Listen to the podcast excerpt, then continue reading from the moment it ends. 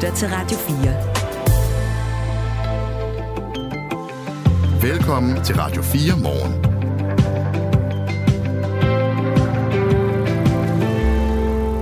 På en morgen, hvor det er koldt derude. Rigtig koldt. Men så kan vi jo vælge at lune os ved tanken om, at vi er klar til VM-semifinale i håndbold. Ja. Yeah. Vi skal møde Norge, og det skal vi, fordi det danske kvindelandshold i går spillede mod Montenegro, og de vandt 26-24. Og så var der glæde i lejren efter sejren. Fedt, meget stolt, glad, øh, også lidt træt. Øh, det var en øh, krig derinde, men øh, mega fed kamp. Vi analyserer gårdsdagens kamp, og så fejrer vi også udsigten til den her semifinale mod Norge. Det gør vi i Radio 4 morgen. Og så øh, kigger vi på øh, hjemmepasning af egne børn. I langt de fleste af landets kommuner, der kan du nemlig få tilskud til at passe dine børn næste år. Det viser en gennemgang, som øh, Radio 4 Morgen har lavet. Det er en udvikling, altså hvor øh, flere og flere kommuner tilbyder tilskud til hjemmepasning. Men hvorfor vælger kommunerne at give øh, forældre penge til at passe deres børn hjemme? Og hvorfor vælger forældre at sige ja tak til det? Det undersøger Radio 4 Morgen her til morgen, og vi begynder i Jørgen Kommune om lidt. 77 plus 121, det giver 198, og trækker jeg så 31 fra... Prøv lige at sige det igen. Jeg, jeg er så dårlig til tal, Claus. 77 plus 121 er lige med 198. Og Alright. trækker jeg så 31 fra, Christina, så giver det 167. Ja, hvis du siger det, så passer det nok. Hvad giver 47 plus 53? 47 plus 53, det giver 100. Det gør det. Og øh, vi kommer til at tale øh, simpel matematik og hovedregning i dag. Fordi hvert år er det helt op til 20-30 procent af skoleelever, som ikke kan svare på helt basale regnestykker med minus, gange og dividere. Men oven i det, så er det faktisk ikke bare de unge, der, har, øh, der ikke har den bedste talforståelse. Det er et generelt problem for alle. Os, os voksne. Det genkender jeg i hvert fald. Jeg er spændt på at se nærmere på det øh, regnestykke, skulle til at sige, det fænomen her i løbet af morgenen. Ja. Men er det overhovedet et problem, at det kniver med vores hovedregning? For øh, hvornår bruger vi det egentlig? Vi har jo øh, en lommeregner lige ved hånden i øh, telefonen, så det er jo egentlig bare at slå op på den og så lige lægge nogle tal sammen. Så lad os da bare lige høre fra dig derude her til morgen, torsdag morgen. Hvornår møder du egentlig, at du har brug for hovedregning i din hverdag, og det er et problem for dig? Har du svært ved det? Nummeret er 1424. Det er torsdag den 14. december. Jeg hedder Claus Andersen. Jeg hedder Christina Ankerhus. Godmorgen. Godmorgen lytter til Radio 4. Du kan få øh, penge til at gå hjemme og passe dine egne børn i et stigende antal kommuner landet over. Et øh, tilskud altså til øh, hjemmepasning i stedet for at sende dine børn i vuggestue eller i børnehave. En gennemgang, vi har lavet her på Radio 4 Morgen, viser, at man kan få tilskud til at passe sine egne børn i 82 ud af landets 98 kommuner, når vi passerer nytår. Antallet af kommuner, der giver øh, tilskud til at passe egne børn, det har været stødt stigende de øh, seneste par år. I 2022 var det 71 kommuner, der gav tilskud, men øh, mod 82 til januar altså. I Jørgen Kommune bliver det muligt at få tilskud til at passe egne børn næste år. Herfra er øh, Gry Brun Nielsen med, formand for Børne-, Fritids- og Undervisningsudvalget, altså i Jørgen Kommune. Godmorgen. Godmorgen. Hvorfor indfører I øh, tilskud til pasning af egne børn i Jørgen Kommune?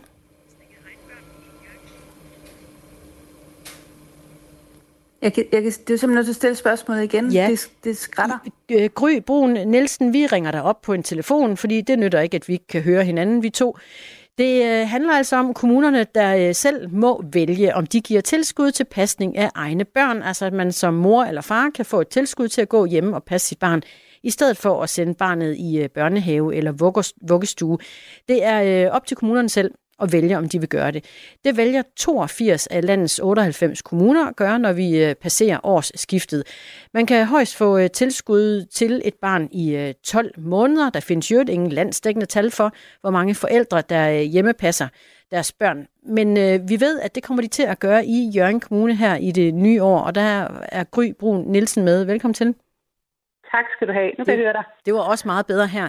Du er formand for øh, Børnefritids- og Undervisningsudvalget i Jørgen Kommune og valgt for øh, partiet Venstre. Hvorfor har I valgt at indføre tilskud til pasning af egne børn? Øh, ja, først og fremmest så er jeg valgt for radikale Venstre. Øh, men, men lad du det ligge. Vi har valgt, øh, at, øh, at det her det skal være en mulighed for at skabe noget fleksibilitet og noget, en mulighed for et pusterum for nogle, for nogle familier. Ja, hvilke familier tror du, der kommer til at benytte sig af det? Øh, jamen, det er jo svært at gisne om, øh, men øh, Jeg har personligt har jeg snakket med nogle øh, stykker i løbet af de sidste par uger faktisk, øh, der, øh, der vælger at benytte det lige i forlængelse af en barsel. Det vil sige, når man er færdig med sin barsel, så, øh, så går man over på den her, og, og det, øh, det kan være alt lige fra, og ja, som det der pusterum, som jeg snakkede om, men det kan også være fordi, at man har brug for øh, to-tre måneder øh, ekstra, inden man kan få plads i øh, en daginstitution, en vuggestue eller en, en dagpleje, eller hvad det nu kan være. Øhm, så altså, vi har rigtig meget pres på vores daginstitutioner, inden, særligt inde i Jørgen by. Øh, vi er jo sådan en stor oplandskommune, men inde i Jørgen by, der, der er lidt meget pres på, på institutionerne. Så, så det her det er også en mulighed for at give lidt luft.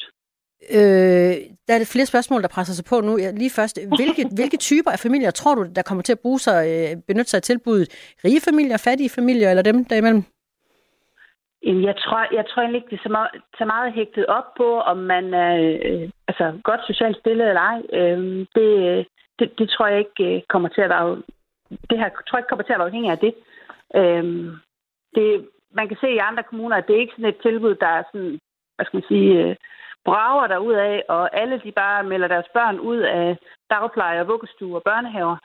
Øh, men at det i højere grad bliver brugt i de der sådan særlige situationer, hvor man, hvor man lige har brug for øh, ja, øh, lidt ekstra pustorm. Og det er også, som du også nævnte, man må maks øh, gøre brug af tilbuddet i 12 måneder. Det er sådan en ren lovgivning. Øh, så det er jo ikke sådan en varig løsning, hvor man siger, nu, nu starter jeg det her, og så skal jeg passe mit barn øh, med tilskud indtil det skal starte i skole. Men det kræver vel et form for økonomisk overskud i familien at sige øh, ja til, at den ene altså kun modtager øh, tilskud til at passe eget barn, for reglerne siger jo, at den forælder, der søger om tilskud, må ikke samtidig øh, modtage offentlig overførselsindkomst eller have en arbejdsindtægt. Så hvilke familier tror du, øh, der har råd til det? Jamen, øh, det er jo enten nogen, der har valgt at leve på en måde, som øh, ikke, øh, ikke kræver en hel masse økonomi. Øh, det kan også være nogle familier, hvor, hvor den anden forældre øh, måske har et øh, job, der gør, at, øh, at vedkommende kan forsørge øh, hele familien, det meste af familien i hvert fald. Øh, altså, så der kan, det, det kan der jo være flere konstellationer på, hvordan folk de ligesom vælger at indrette sig. Øh, men det er klart, det er jo ikke en fuldtidsløn øh, som sådan, man får øh, som tilskud. Øh, det, det, er, øh, det er den takst, som, øh, som ja, de andre kommuner i landet også bruger, øh, og som man regner ud fra. Det er jo også en takst, som man får, hvis man, hvis man vælger at, at sende sit, sit barn i, øh, i privat passer for eksempel, så får man jo også et takst, eller en, øh, en, et tilskud af kommunen. Det er et øh, beløb, der svinger fra øh, kommune til kommune ret meget en dag. I mm-hmm. Jørgen Kommune, hvor I tager hul på det her fra årsskiftet, der kan forældre modtage fra 6.920 øh, kroner om måneden i tilskud til et barn i alderen 0-2 år, og så hedder det 4.745 kroner i tilskud til et barn, der er 3 til 5 mm. år.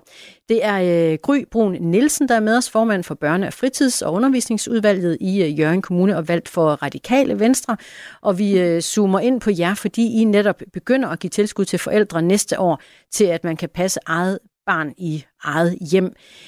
Så sagde du, øh, Gry, at det også løser problemet med, at der er pres på jeres øh, daginstitutioner. Er det en, øh, en god fidus for jer at gøre det på den her måde? Jeg ved ikke, om, der, om man kan så meget kan kalde det for en fidus. Altså, øhm, så en det, god forretning?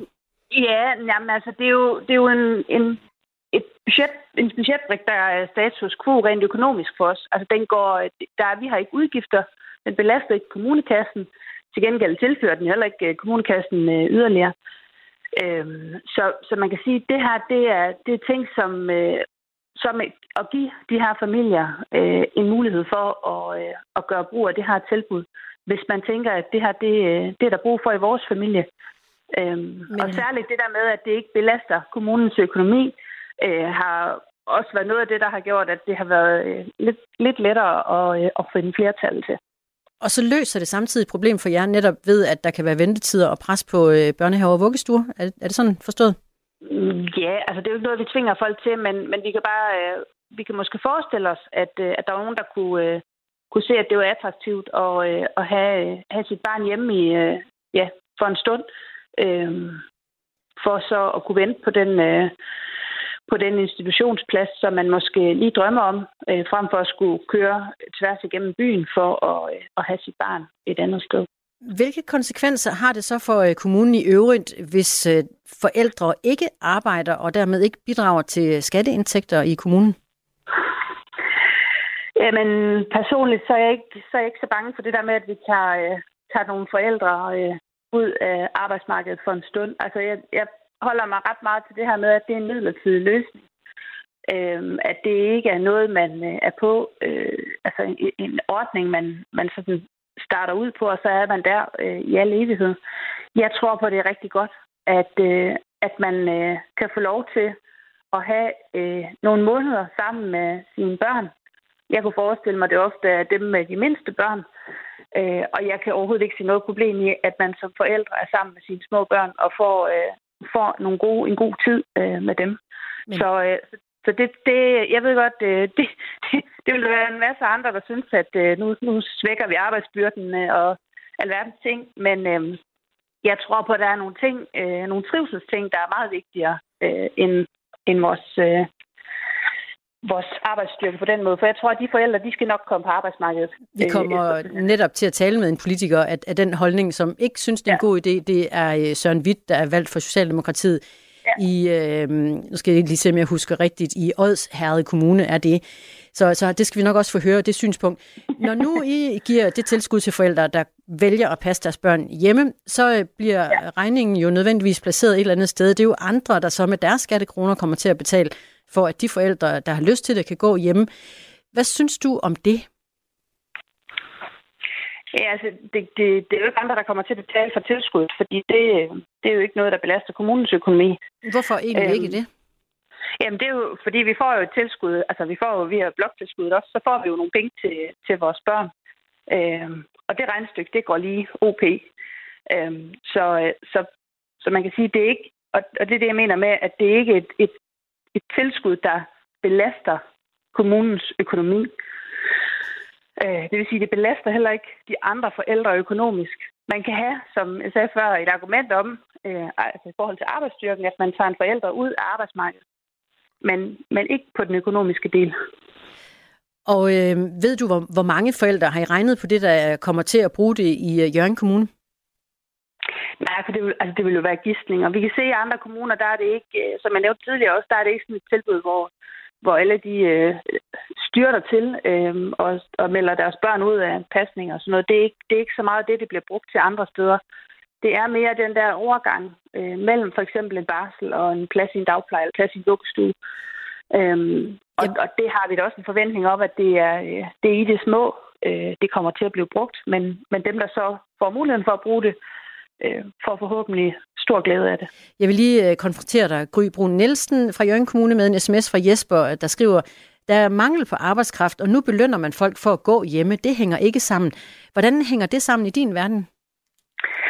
Altså, jeg ved ikke, om, øh, om Jesper, der han synes, det er, det, er en, det er en belønning at få øh, knap 7.000 kroner. Øhm, det er jo nogle forholdsvis lave satser, og som vi snakkede om tidligere, så kræver det her jo også, at, øh, at man i hvert fald øh, tænker på en anden, enten lever på en, en måde, der gør, at, øh, at man er to om at, øh, at forsørge en familie, øh, eller at man lever på en måde, som gør, at man måske ikke har brug for så mange penge. Øh, jeg synes ikke, det her det er nogen stor gavebud. Jeg synes faktisk, det er ret og rimeligt, at vi giver de forældre med små børn, giver dem øh, en mulighed for at få et pusterum, fordi jeg tror ikke, vi får nogle øh, gode øh, medarbejdere nødvendigvis ud i den anden ende, hvis vi presser dem igennem og pæser dem fremad. Jeg tror, vi får nogle gode medarbejdere af at give dem noget ro en gang imellem, øhm, mm. og særligt når man har små børn. Vi øh, kommer rundt om problemstillingen her i løbet af morgenen, både hos en politiker, som nævnt, som øh, ikke synes det samme som dig, øh, Gry Brun Nielsen, og vi skal ja. også tale med en mor, der har valgt at benytte sig af det i en helt tredje kommune. Gry Brun Nielsen, formand for Børne- og Fritids- og Undervisningsudvalget i Jørgen Kommune, valgt for Radikale Venstre. Tak fordi du var med os her til morgen. Det var så lidt. Godmorgen. Godmorgen, og jeg synes, vi skal lade sms'en øh, rulle, også for øh, dette emne, om man har en holdning til, at kommuner, altså flere og flere kommuner, giver penge til forældre, så de kan gå hjemme og, øh, og passe deres egne børn, i stedet for at gå på arbejde. Eddie han har skrevet til os, jeg bruger simpel matematik hver dag i mit job som entreprenør. Vi lærte det i skolen. Jeg er 55 år gammel, og jeg tænker, at da jeg var dreng, var der færre ting at holde fokus på. Så derfor bedre indlæring godmorgen fra Eddie. Og Eddie han har svaret på øh, det spørgsmål, vi også langet ud til jer lyttere. Er det nødvendigt, at vi er gode til hovedregning og simpel matematik i dag? Det er et emne, vi tager op, for det viser sig, at 20-30 øh, procent af danske folkeskoleelever, de har simpelthen øh, glemt, hvad det vil sige at lægge to og to sammen. Skriv til os. SMS'en er åben 1424. Det her er Radio 4 morgen. Et flertal i repræsentanternes hus i Washington har i nat stemt for at iværksætte en undersøgelse af rigsretssag mod USA's præsident Joe Biden. Det er republikanerne, der beskylder den demokratiske præsident og hans familie for at have draget fordel af politikker. Biden var med til at vedtage som vicepræsident under Barack Obama, og det var mellem 2009 og 2017. Men beviser, det er der næppe nok af, det siger du, Mads Dahlgaard Madsen. Godmorgen. Godmorgen. Tidligere indrigspolitisk rådgiver ved den danske ambassade i Washington. Du er så helt opdateret nu på nattens afstemning. Hvad er reaktionen på, på begivenhederne i nat? Ja, men de er rimelig forudsigelige. Der er sådan set tre øh, typer reaktioner. Der er demokraternes reaktion, som siger, at det her det er øh, politisk motiveret. Det er i virkeligheden bare øh, republikanerne, der forsøger at angribe Joe Biden-familien hvor, og, og bruger alle desperate midler til at gøre det. Så er der, hvad kan man sige, Trump-republikanerne, der siger, at det her det er fuldstændig leg- legitimt træk, hvor fordi at, øh, at Biden-administrationen har forhindret os i at skaffe nogle beviser i den her sag. Og så er der de moderate republikanere, som siger, Ja, vi, vi er godt nok øh, lidt tvivlende omkring, der overhovedet er nogen beviser for, at det her det er, er rigtigt. Men nu, nu iværksætter vi altså den her undersøgelse for at give de bedst mulige forudsætninger for at skaffe flere beviser. Biden kalder i en udtalelse fra det Hvide Hus undersøgelsen for et grundløst politisk stunt, mens han samtidig siger, at republikanerne er fokuseret på at angribe ham med løgne. Den virker lidt teknisk, den her sag. Hvad er det helt præcis, øh, Joe Biden han øh, bliver beskyldt for? Ja, altså Joe Biden bliver øh, beskyldt for, det er han blevet i, i lang tid, øh, men, men han bliver, der er i hvert fald en mistanke omkring fra, fra, øh, fra republikanerne i repræsentanternes hus om, at da Joe Biden var vicepræsident, der udnyttede han hans position i den amerikanske administration. Han udnyttede sit efternavn Biden, som jo har mange, mange, mange år i senatet bag sig til at tilrage sig rigdom på den ene og, og den anden måde. Øh, blandt andet ved at bruge og installere sin søn i forretningsnetværk rundt omkring i verden. Og det er ham her Hunter Biden, som man nok måske har hørt om derude, som også virkelig bliver skældt ud for tiden, men, men som har indgået i nogle, hvad kan man sige, lyssky forretningsforbindelser i Ukraine og i Kina, som har øh, tilrettet sig rigdom til hele Biden-familien. Og der er det, man prøver nu i repræsentanternes hus at lave en forbindelse mellem Hunter Bidens, altså sønnens ageren, og så faren Joe Biden. Man prøver at fremstille ham som sådan en, hvad kan man sige, mafia-boss, der sidder i toppen af det, fordi det som de yderliggående republikanere kalder for The Biden Crime Family. Og man har ikke rigtig fundet beviserne for det øh, øh, sådan rigtigt endnu. Øh, man har fundet nogle indicier, men slet ikke beviser, og nu giver man altså undersøgelseskomiteerne de stærkst mulige midler til at fremskaffe beviser fra administrationen. Hvad er det præcis, der mangler? Altså, man kan vel ikke øh, indlede en rigsretssag uden at have noget overhovedet. Altså, hvad har de lige nu mod Joe Biden? Ja. Jamen, de har ikke så meget andet, end de har nogle kontoudtog, hvor at det måske, måske ikke ser ud, som om der er blevet overført nogle midler fra sønnen til faren. Øh, der er noget med en bil, som, øh, som øh, der er nogle mistænkelige, hvad kan man sige, dobbeltbeskatningsting omkring, som man måske, måske ikke mener i virkeligheden er sådan et kæmpe loophole, som, øh, som faren har brugt til at kanalisere penge fra sin søns øh, bankkonti og sådan noget. Så det, det er alt sammen indiser, og det er slet ikke, øh, det er slet ikke hvad kan man sige, bevis øh, på noget så stort, øh, noget så alvorligt, at det vil kræve det, der hedder en rigsret, som er det absolut stærkeste våben, kongressen kan trække over for en, øh, en præsident. Og det er der altså rigtig, rigtig mange, der siger, så det selvfølgelig demokraterne gør, senatorerne, de republikanske senatorer i senatet, som er det andet kammer, siger også, der ikke er bevisgrundlag for at lave den her rigsretssag. Øh, så, så, øh, så de har nemlig ikke så meget, de her undersøgelsesfolk. Og det er også derfor, vi ikke har set rigsretssagen blive rejst. De bliver ved med at, sådan, at, at lave de her undersøgelser, de bliver ved med at forstærke de her undersøgelser for at håbe på, på et eller andet tidspunkt at finde noget bevis. Og alt sammen det her, det spekulerer jo ind i, om det i virkeligheden er politisk motiveret. Jeg taler med Mads Dalgaard Madsen, tidligere indrigspolitisk rådgiver ved den danske ambassade i Washington D.C. Og Mads Dalgaard, øh, på baggrund af det, der foregår lige nu, øh, skal vi så kigge anderledes på den præsidentkamp, øh, der er lige rundt om hjørnet? Ja, fordi, og det, det er jo lidt i forlængelse af det, lige sagde med, med, der er måske noget politisk pointe i at blive ved med at opretholde den her undersøgelse af Joe Biden, uden at det sådan kommer til de helt store beviser, uden at det kommer til det, man kalder for the smoking gun i amerikansk øh, sammenhæng, altså det her bevis, der virkelig, det afgørende bevis, der vil fælde præsidenten. Fordi så længe den her mistanke bliver opretholdt omkring Joe Biden, så længe vælgerne kan sige, jamen, er der egentlig ikke et, et eller andet, er der egentlig ikke den her undersøgelse imod Joe Biden, jamen så kommer man til at fremstille Joe Biden som en, der også har brudt loven, og måske øh, på et tidspunkt skal ende i en eller anden form for retssag, som er en, øh, en rigsretssag. Og når man gør det, jamen så sidestiller man jo Joe Biden med Donald Trump, som jo også har mega mange retssager imod sig, øh, som virkelig bliver et svært øh, emne for ham igennem valgkampen. Og når man, når, øh, når man så har opretholdt mistanke omkring Biden, jamen så minimerer det måske egentlig den politiske skade af Trumps retssager. Altså man kan jo sige, jamen prøv at se, begge kandidater, de er lige gode om det. Altså de har begge to de her uheldige sager på sig. Og derfor er der et politisk motiv, en åbenlys politisk vinding i at blive ved med at opretholde den her undersøgelse, fordi mistanken i sig selv kommer til at skade Biden, men det kommer i særdeleshed til at minimere den politiske skade af Donald Trumps retssager over for vælgerne. Mads Dalgaard Madsen, tak fordi du var med her til morgen. Det var så lidt. Godmorgen. Godmorgen. Du lytter til Radio 4. Så skal vi lige mindes et øh, maleri, der blev udsat for herværk for øh, et par år siden i april 2022. Det var øh, maleriet Den foruroligende Elling, som fik øh, en aktion udført over sig et stykke herværk. Det var øh, Ibi Pibi Orup Hedegaard, en øh, provokunstner, der øh, malede på det med kontaktlim og tusch og ødelagde på den måde et øh, meget dyrt Asger Jorn maleri. Den sag blev han dømt for, og det skal nu til landets øverste retsinstans, højesteret. Det bekræfter kunstneren bag, altså Ibi Pibi Orup Hedegaard selv, og øh, han er netop glad for, at hans øh, forsvar har taget den beslutning. Jamen, det var dejligt. Det gjorde mig utrolig glad, fordi at, øh, jeg har virkelig håbet på, at, øh, at, øh, det, at det kunne blive øh, næste skridt, fordi vi jo finder dommen øh, helt, helt urimeligt, at man skal et år, øh, at man får et års øh, ubetinget fængsel som tidligere ustraffet for, for herværk. Så jeg ser meget frem til, at øh, landets øverste retsinstans har valgt at, at, at afprøve den her sag. Det er jeg meget, meget tilfreds med. Sådan lyder det fra øh, provokunstneren selv, Ibi Pibi Urup Hedegaard.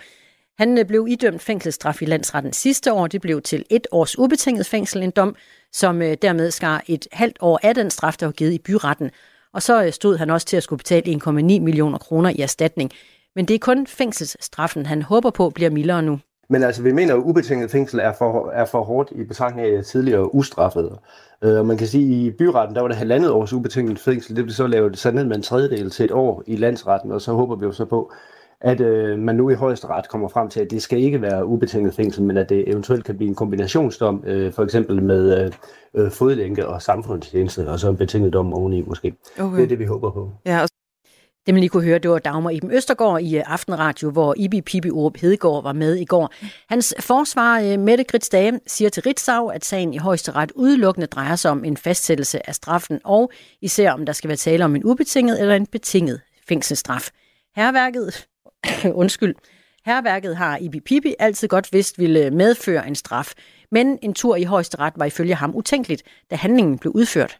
Ja, det er, det er, det er en øh, meget mærkværdig følelse, altså, men øh, jeg ser også på det på den måde, at der er jo mange, der har prøvet at, at, at gøre den her sag til noget meget enkelt, og sige, at det er kun halvværk herværk, der er slet ikke noget at diskutere, og det viser det her jo. Altså en banal herværkssag ender jo ikke for højesteret, der er også andre elementer i det, og det i sig selv, synes jeg jo også, øh, lidt af en blåstemning af værket, forstået på den måde, at øh, det er jo indiskutabelt nu. Det handler ikke om, øh, om gement herværk, altså kun, fordi en gemen herværkssag ender jo ikke i højesteret. Altså så enkelt er det jo.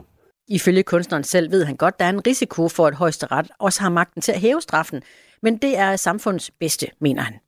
Ja, det er jeg helt med på, at det er en risiko, jeg løber.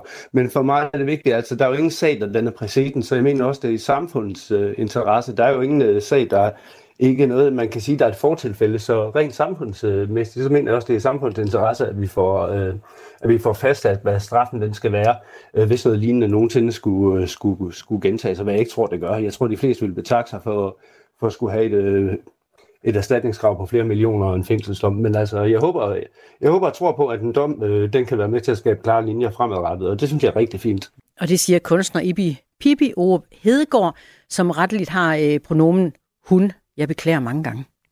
Hermed så er klokken blevet halv 20. Nu er der nyheder på Radio 4.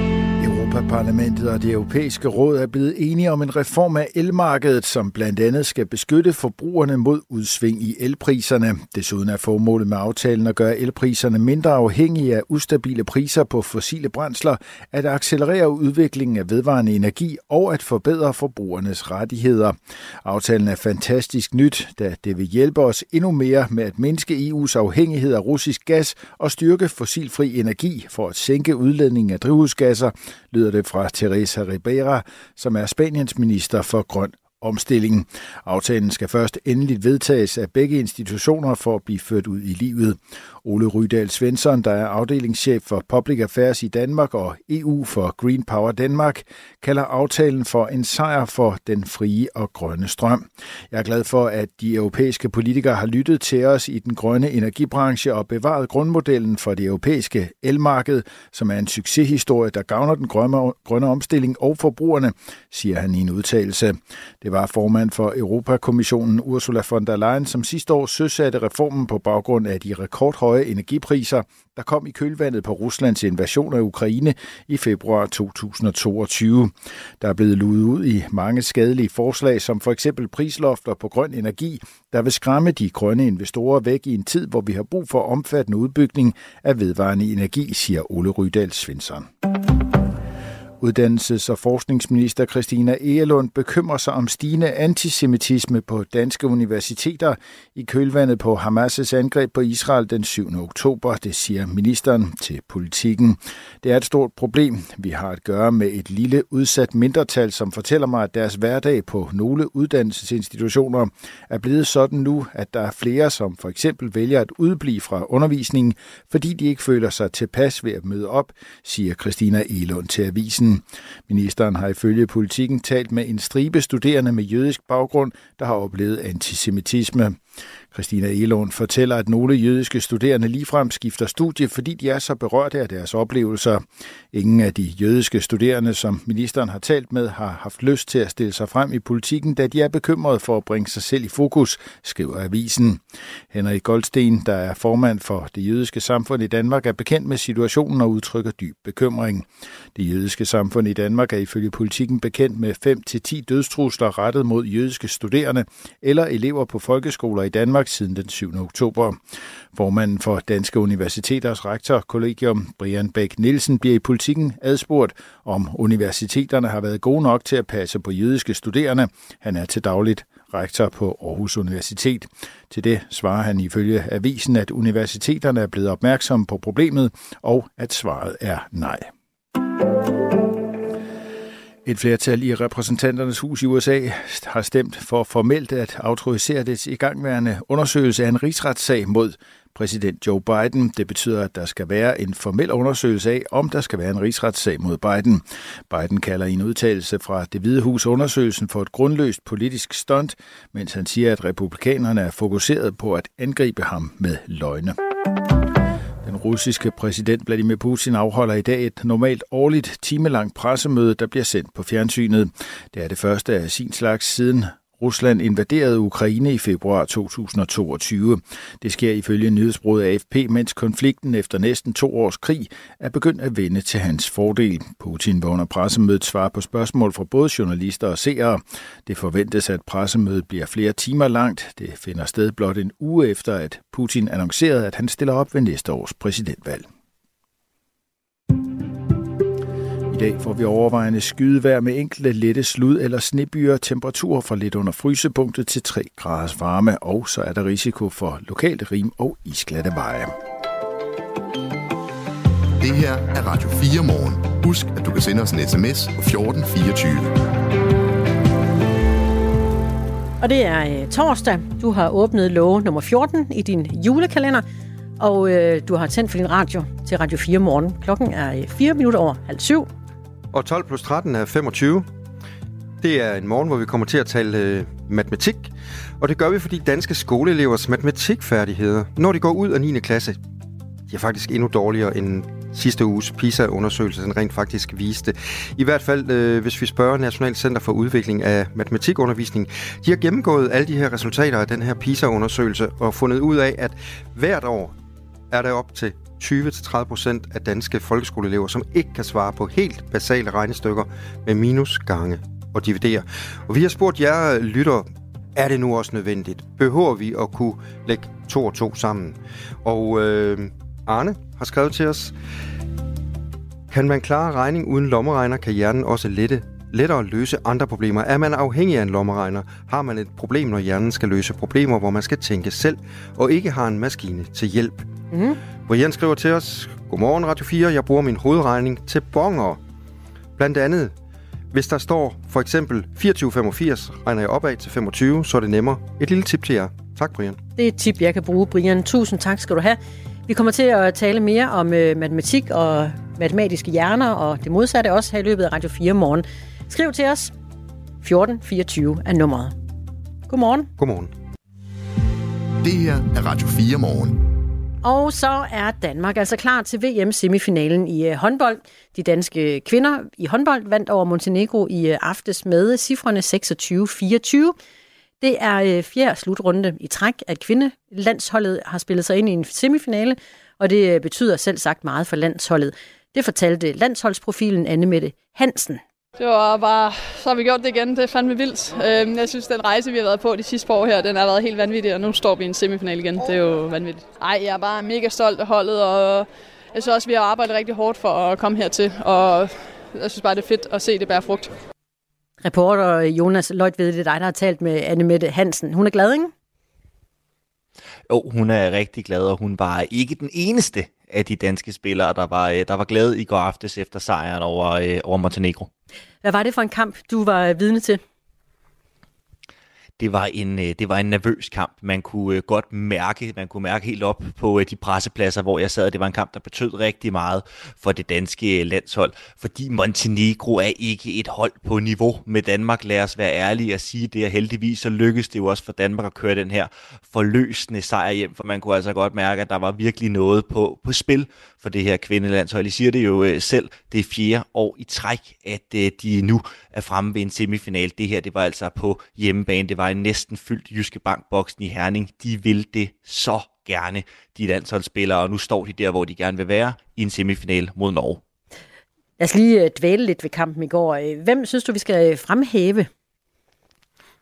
Jeg synes, vi skal fremhæve øh, Sandra Toft, den danske målvogter, der også bliver kåret til, til kampens spiller i, øh, inde i hallen. Øhm, det er, der er en, hun kommer ikke særlig godt fra start, øh, og faktisk så, øh, jeg sidder og, og ser jo kampen, følger med og laver mine observationer, får en sms fra øh, min kæreste, der mener, at øh, landstræner, han bør da flå øh, Sandra Toft ud. Og det sjove var, at da jeg snakkede med landstræneren efter kampen, der sagde han også, at han faktisk havde overvejet, eller han synes, at han skulle tage Sandra Toft ud med den danske målvogtertræner. Michael Brun sagde, ah, han nu lige lidt is i maven. Nogenlunde det, jeg faktisk også skrev til min, øh, til min kæreste tilbage på, på sms'en, vil jeg sige. Men øh, det var nok meget godt, at øh, Michael Brun, han fik sin vilje, målvogtertræneren, fordi sådan midtvejs i første halvleg, der reddede Sandra Toft et straffekast. Siden da så hun sig ikke tilbage 18 redninger, Danmarks helt store profil. Hun er en målvogter, der stepper op, når det gælder, og det gjorde hun også i går. Hun blev også øh, kåret til øh, kampens spiller. Topscorer, det var så i øvrigt øh, Anne Mette Hansen, som vi hørte lige før, og Emma Fris med fem mål. Semifinalen, der venter os en mastodont, kan man godt sige, på den her front. Norge, havde du forventet, at vi nåede hertil?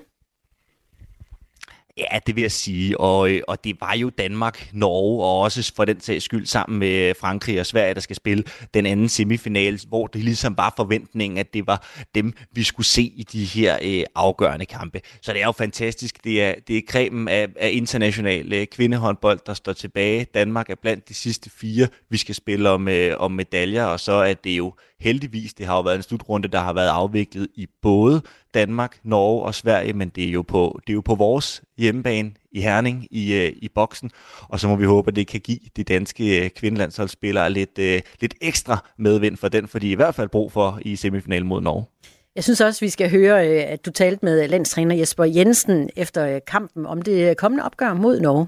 Vi kender jo Norge rigtig godt, så vi ved så nogenlunde, hvad der kommer, og de ved også, hvad der kommer den anden vej. Så, så det, det bliver meget lagt op til det enkelte spiller i sådan en kamp her, hvem der, hvem der har det ekstra niveau i kampen. Øhm, så så det bliver, det bliver utrolig spændende. Altså to virkelig dygtige målmands, målmandspar, eller målvogterpar, og så har vi så, har, så tror jeg, at deres styrke måske ligger marginalt mere i, i deres angreb, og vores ligger marginalt mere i vores forsvar generelt. Men, men de dækker godt op, og vi har spillet godt angrebsspil i den her turnering, så ja, det, det bliver spændende.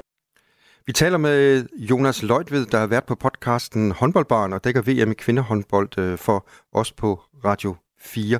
Og Jonas, øh, hvad er det i det spil, vi har set øh, under VM indtil nu, der gør, synes du, at vi kan være optimistiske i forhold til en kamp mod Norge, som jo er stor favorit til at vinde det her VM? Jeg vil sige, at det er både det, vi har set indtil nu, ved det her VM, når Danmark har spillet på det absolute topniveau. Men så er det jo også den rejse, Danmark har været på hen over de seneste år, især efter Jesper Jensen er kommet til som, øh, som landstræner. Jeg plejer jo at sige det der med, at øh, jamen for tre år siden fik Danmark en fjerdeplads, for to år siden, der vandt Danmark bronze, sidste år, der vandt øh, Danmark øh, sølv, og øh, ja, hvad kan det så blive til øh, i år? Kan det måske blive til, til guld for Danmark? Især når det danske øh, forsvar er på toppen, så er det rigtig svært at lave mål mod Danmark og så har vi et af øh, verdens allerbedste målvogterpar, som, som Jesper Jensen vist også er lidt inde på i, i Sandra Toft og øh, Altea Reinhardt. Problemet mod Norge, det er så, at, øh, at det norske målvogterpar for eksempel også er, er, er rigtig godt. Og så, øh, og så bliver det øh, forhåbentlig og formentlig en, en tæt kamp mod Norge. Der er ikke et hold, Danmark heller vil slå end Norge, men jeg tror så omvendt også, at, at Norge har det sådan, at Danmark skal dele med ikke være, være bedre end dem. Danmark og Norge, de mødtes jo i, øh, i finalen ved Europamesterskaberne mm. sidste år. Danmark var et kvarter fra at vinde øh, den kamp. Danmark førte efter 45 minutter, og så kom Norge forbi til sidst. Det lovede øh, Jesper Jensen i går, at det vil i hvert fald ikke blive på fysikken, at Danmark kommer til at tabe i morgen. Vi har allerede talt, Jonas, om et øh, par af spillerne. Sandra Toft øh, for Ros, og så er der topscorerne Anne Mette Hansen og Emma Fris fra øh, kampen i går. Men så er der jo også en, øh, en slutrunde debutant med Helena Elver, som øh, også spillede noget af en kamp i går. Og lad os også lige høre lidt fra hende. Vanvittigt. Jamen, jeg glæder mig simpelthen så meget. Jeg, jeg er så stolt over at være en del af det her hold. Det er da klart, at Norge er jo i favoritter altid, så det bliver en vild hård semifinal, men vi tager kampen op og, og gør alt, hvad vi kan for at stå i den finale til sidst. Hvad øh, skal der til, Jonas Løjt ved, for at de kommer til at stå i den finale? Altså, hvad er det virkelig, der skal til for at slå Norge? en rigtig god idé, det er, at vi starter med at have flere øh, redninger end, øh, end Norge. Vi skal have øh, Line Havsted og resten af det danske forsvar til at give de absolut bedste betingelser for, for Sandra Toft og Altea Reinhardt inden i målet. Og så hvis Danmark kan komme til at vinde kontrakampen, som vi kan kalde det, mod Norge. Både Norge og Danmark er forrygende i spillet øh, fremad banen, så vi skal gerne afvikle vores egne angreb rigtig godt, så Norge får svært ved at løbe hurtigt retur mod Danmark, og så omvendt, hvis vi kan få nogle hurtige igangsætninger efter nogle af de her forhåbentlig mange redninger fra Sandra Toft og Altia Reinhardt, og for, for eksempel en hurtig løber som, øh, som Emma Fris godt op ad banen, så er vi, øh, så er vi kommet rigtig godt på vej. Vi øh, krydser både fingre og til Jonas Løjt ved vært på podcasten Håndboldbarn, og øh, som dækker VM i kvindehåndbold for øh, Radio 4. Tak for analysen. Semifinalen spilles i morgen aften, og det er klokken 17.30. Det er min sidste måltid. Jeg skal dø lige om lidt. Hvordan skal jeg dø? Mange vidunderlige gæster har spist deres sidste måltid hos mig. Min fars rummelighed kom lidt på prøve, da jeg sagde, at jeg havde været sammen med en kvinde. Sammen har vi talt om liv, død, om mad og om det eftermæle, som ingen af os undslipper. Jeg hedder Lærke Kløvedal, og jeg er vært på det sidste måltid. Du kan lytte med i Radio 4's app, eller der, hvor du lytter til din podcast. Radio 4. Ikke så forudsigeligt. Ved klimatopmødet COP28 blev der i går skrevet historie. For første gang er fossile brændsler ikke og ikke bare kul nævnt i aftaleteksten, som øh, kopformanden Sultan Al-Jabar præsenteret i går. Det er noget, som Danmark sammen med EU og en række små østater har kæmpet hårdt for at få med. Minister for Global Klimapolitik Dan Jørgensen kalder det en historisk aftale og ser det som en stor sejr. Men det er klimaekspert Jesper Tejlgaard ikke helt enig i.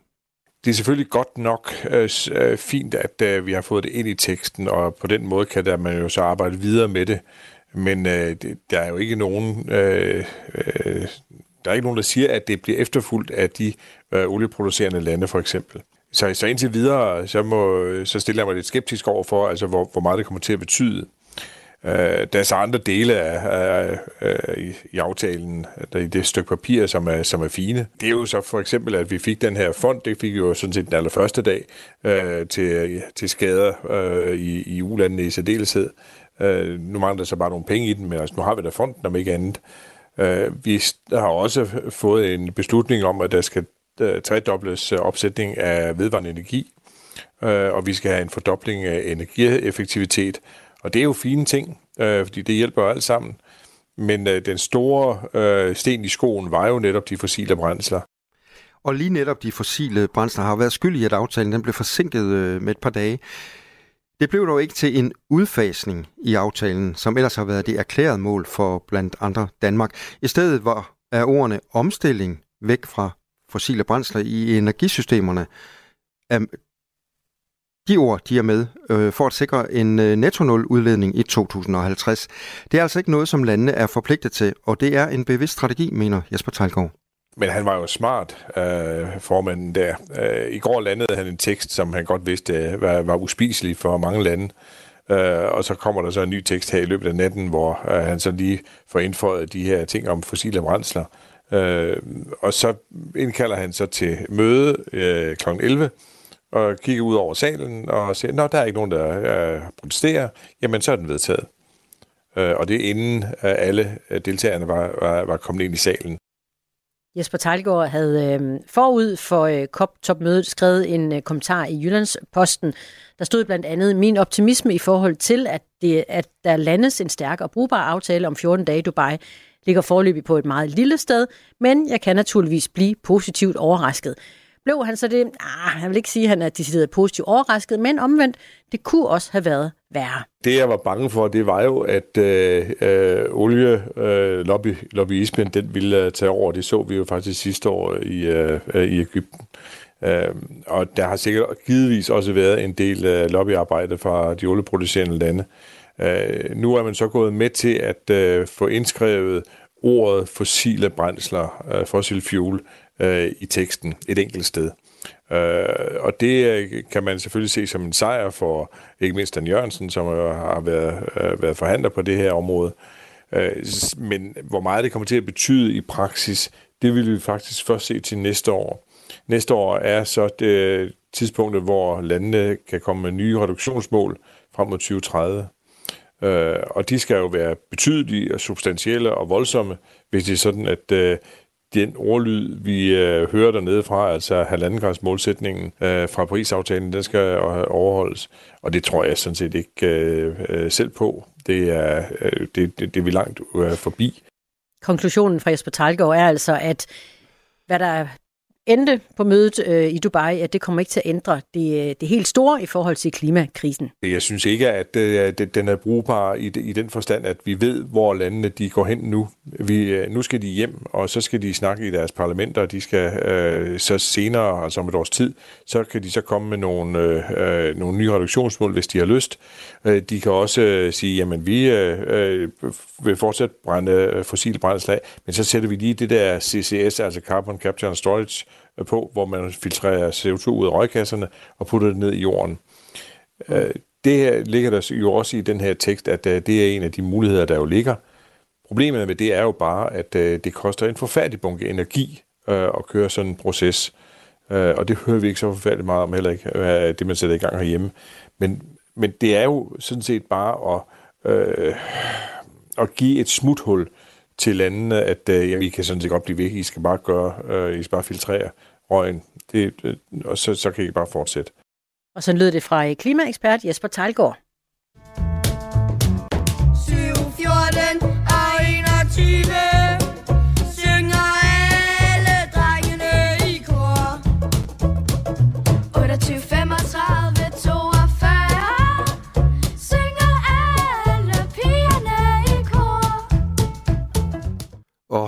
Den gode, gamle syvtabel. Jeg kommer næsten til at savne Pedersen og pegepinden ved tavlen på Engelskskolen i Børkop der sidst i, i 70'erne. Det er min hadetabel, syvtabel. Er det det? Ja. Har du en hadetabel? Nej, jeg kan det hele. Øj, jeg hader syvtabellen. Nå. Men ingenting er, som det har været, når det kommer til matematik. For danske skoleelevers matematikfærdigheder, når de går ud af 9. klasse, er endnu dårligere end det sidste uges øh, PISA-undersøgelse rent faktisk viste. I hvert fald øh, ifølge National Center for Udvikling af Matematikundervisning. De har gennemgået alle resultaterne af den her PISA-undersøgelse. Hvert år er de kommet frem til, at det helt op til 20-30% af eleverne, som ikke kan svare på helt basale regnestykker med minus, gange og dividere. Men faktisk er det ikke bare de unge, der har der ikke har den bedste talforståelse. Der er et generelt problem for alle, også os voksne. Pernille Bøtger Sunde er forsker i matematik, øh, didaktik og talregning på VIA University College. Godmorgen. Godmorgen. Allerførst, øh, Pernille, hvor slemt er det, at 20-30% af alle skoleelever ikke har simple matematikfærdigheder? Jamen, det er, det er selvfølgelig alvorligt, men, men jeg er lige nødt til at korrigere jer en lille smule. Øh, I blander PISA-undersøgelsen sammen med folkeskolens afgangsprøve, og det er folkeskolens afgangsprøve, som, øh, hvor, hvor vi har de her 30-40 procent, der har svært ved den basale regning. Og vi skal ikke sammenligne PISA øh, og folkeskolens afgangsprøve, fordi de måler to vidt forskellige ting. Okay, så er det på plads. Ja, det synes jeg lige er vigtigt, Tak skal at vi. Ja. vi har styr på det. Men, Men- hvor, hvor, hvor slemt er det, at øh, 20-30% af, af skoleeleverne ikke har de her simple matematikfærdigheder? Altså, det er selvfølgelig alvorligt, men jeg er også nødt til at sige, at det er jo ikke, det er jo ikke et, et, et problem, som lige er opstået. Det er noget, vi har været øh, klar over i mange år. Øhm, elever i matematikvanskeligheder har som sådan altid eksisteret. Man kan sige, at det er første gang, at vi ligger så lavt i øh, PISA-undersøgelsen. Øh, men lige siden vi startede med at være med i PISA, har vi haft øh, 13-17 procent øh, af de 15-årige, som ikke har været, eller som har ligget under niveau 2. Det vil sige, de, de øh, har meget svært ved at anvende matematik og anvende tal, og det er jo problematisk. Hvorfor er det det? Ja, fordi matematik og det at kunne arbejde med tal er så stor en del af vores øh, hverdag og vores muligheder for at få uddannelse og, og job. VIVA er jo lige kommet med en, en øh, stor undersøgelse, hvor de har set på, hvilke konsekvenser det har, hvis man har øh, matematikvanskeligheder. Altså hvis man ligger blandt de der 15 procent lavest præsterende i, øh, i folkeskolen, så har det øh, store konsekvenser for at færdiggøre en ungdomsuddannelse. Det er kun omkring, øh, der, de har 37 procent øh, point lavere sandsynlighed for at færdiggøre en ungdomsuddannelse end elever, der har gennemsnitlige matematikkompetencer. Så det er jo lidt alvorligt, at man ikke faktisk kan få en uddannelse. Hvis vi så kigger på øh, os øh, voksne, hvordan ser det ud der? Har, vi har også været ved matematik, talforståelse og almindelig hovedregning. Ja, nu hørte jeg jo lige, at, øh, at der blev sagt, at syvtabellen er den værste. Ja, det er mig, der mener det. Ja.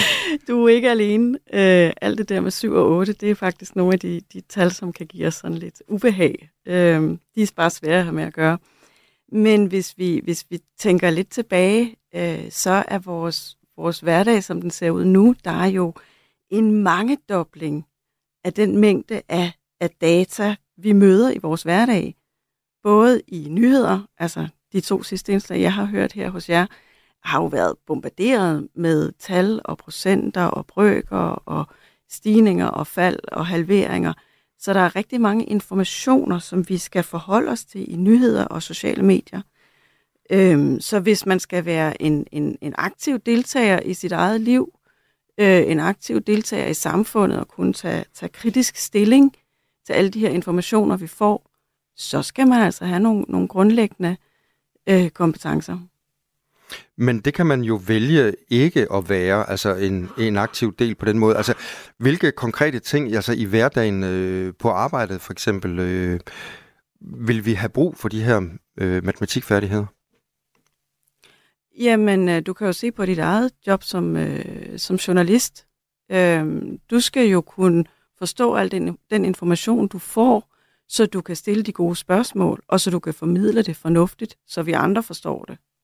Så, så du bruger matematik rigtig meget i dit arbejde. Øh, hvis man er øh, sociohjælper for eksempel, bare det at tage uddannelsen som sociohjælper kræver faktisk, at man skal bestå nogle, nogle øh, fag, hvor der er ganske meget matematik, fordi man skal jo ud og, og øh, håndtere medicin, for eksempel. Det kræver, at man har noget, noget talforståelse og kan nogle ting der. Så hvordan ændrer vi på, på det her? Hvordan bliver vi bedre til øh, at agere i samfundet, øh, altså at, at få bedre matematikfærdigheder? Altså, der skal sættes ind over en bred kamp. Det er ikke kun et, et uh, grundskoleproblem, det her. Det er selvfølgelig der, at vi, vi får det meste af vores øh, matematikuddannelse, kan man sige. Men, men vi skal være meget mere opmærksom på, på alle uddannelsesniveauer, helt fra, fra dagtilbud og til universitetsuddannelser og ungdomsuddannelser, øh, skal vi være meget mere opmærksom på at arbejde med den grundlæggende talforståelse og have forståelse for den matematik, man arbejder med, så det ikke bliver sådan en automatiseret øh, tabeltræning, som for eksempel den meget hyggelige tabelsang, I lige spillede. Øh, det er meget fint at kunne syvtabellen, men hvis man ikke kan finde ud af at bruge den til noget, så, øh, så er det bare tomme færdigheder. Det er meget vigtigt, at vi hele tiden arbejder med forståelse, så vi kan tænke fleksibelt og adaptivt med tal. Altså det at kunne øh, jonglere rundt, som jeg også hørte nogle af, af, af de øh, lytterkommentarer, der var. Det her med, at når man, hvis man ikke lige kan finde ud af at tage 24 procent, så kan man måske tage 25 procent. Mm. Og måske ved man også, at det er en fjerdedel, så man kan bare halvere og halvere, så har man de 25 procent. Og faktisk, øh, Pernille Bøtger Sunde, forsker i øh, matematik, øh, didaktik og talregning på VIA University College, der kommer flere sms'er. Der er et par stykker, der handler om, hvilke børn er det så, eller ja, måske også endda voksne, der, der klarer sig øh, dårligst, når det handler om matematikken? Der bliver skrevet, om det handler om etnicitet. Hvorfor vil vi ikke øh, tale om det? Ved du noget om det? Øh, jeg tænker måske, at lytteren henviser til den del af PISA-rapporten, som viser, at der er en, en øh, måske en sammenhæng med noget, med noget etnicitet. Øh, der er jo også en sammenhæng med køn. Altså, der er også... Øh, færre piger, i, der klarer sig i topniveauet i PISA. Det er jo også en udfordring, vi er nødt til at forholde os til. Men igen, vi skal skille PISA ad fra øh, det her med øh, afgangsprøven, hvor det handler om de grundlæggende, grundlæggende forståelse for tal og regning. Der har mig bekendt ikke lavet analyser på øh, socioøkonomiske øh, effekter eller effekter af, af etnicitet.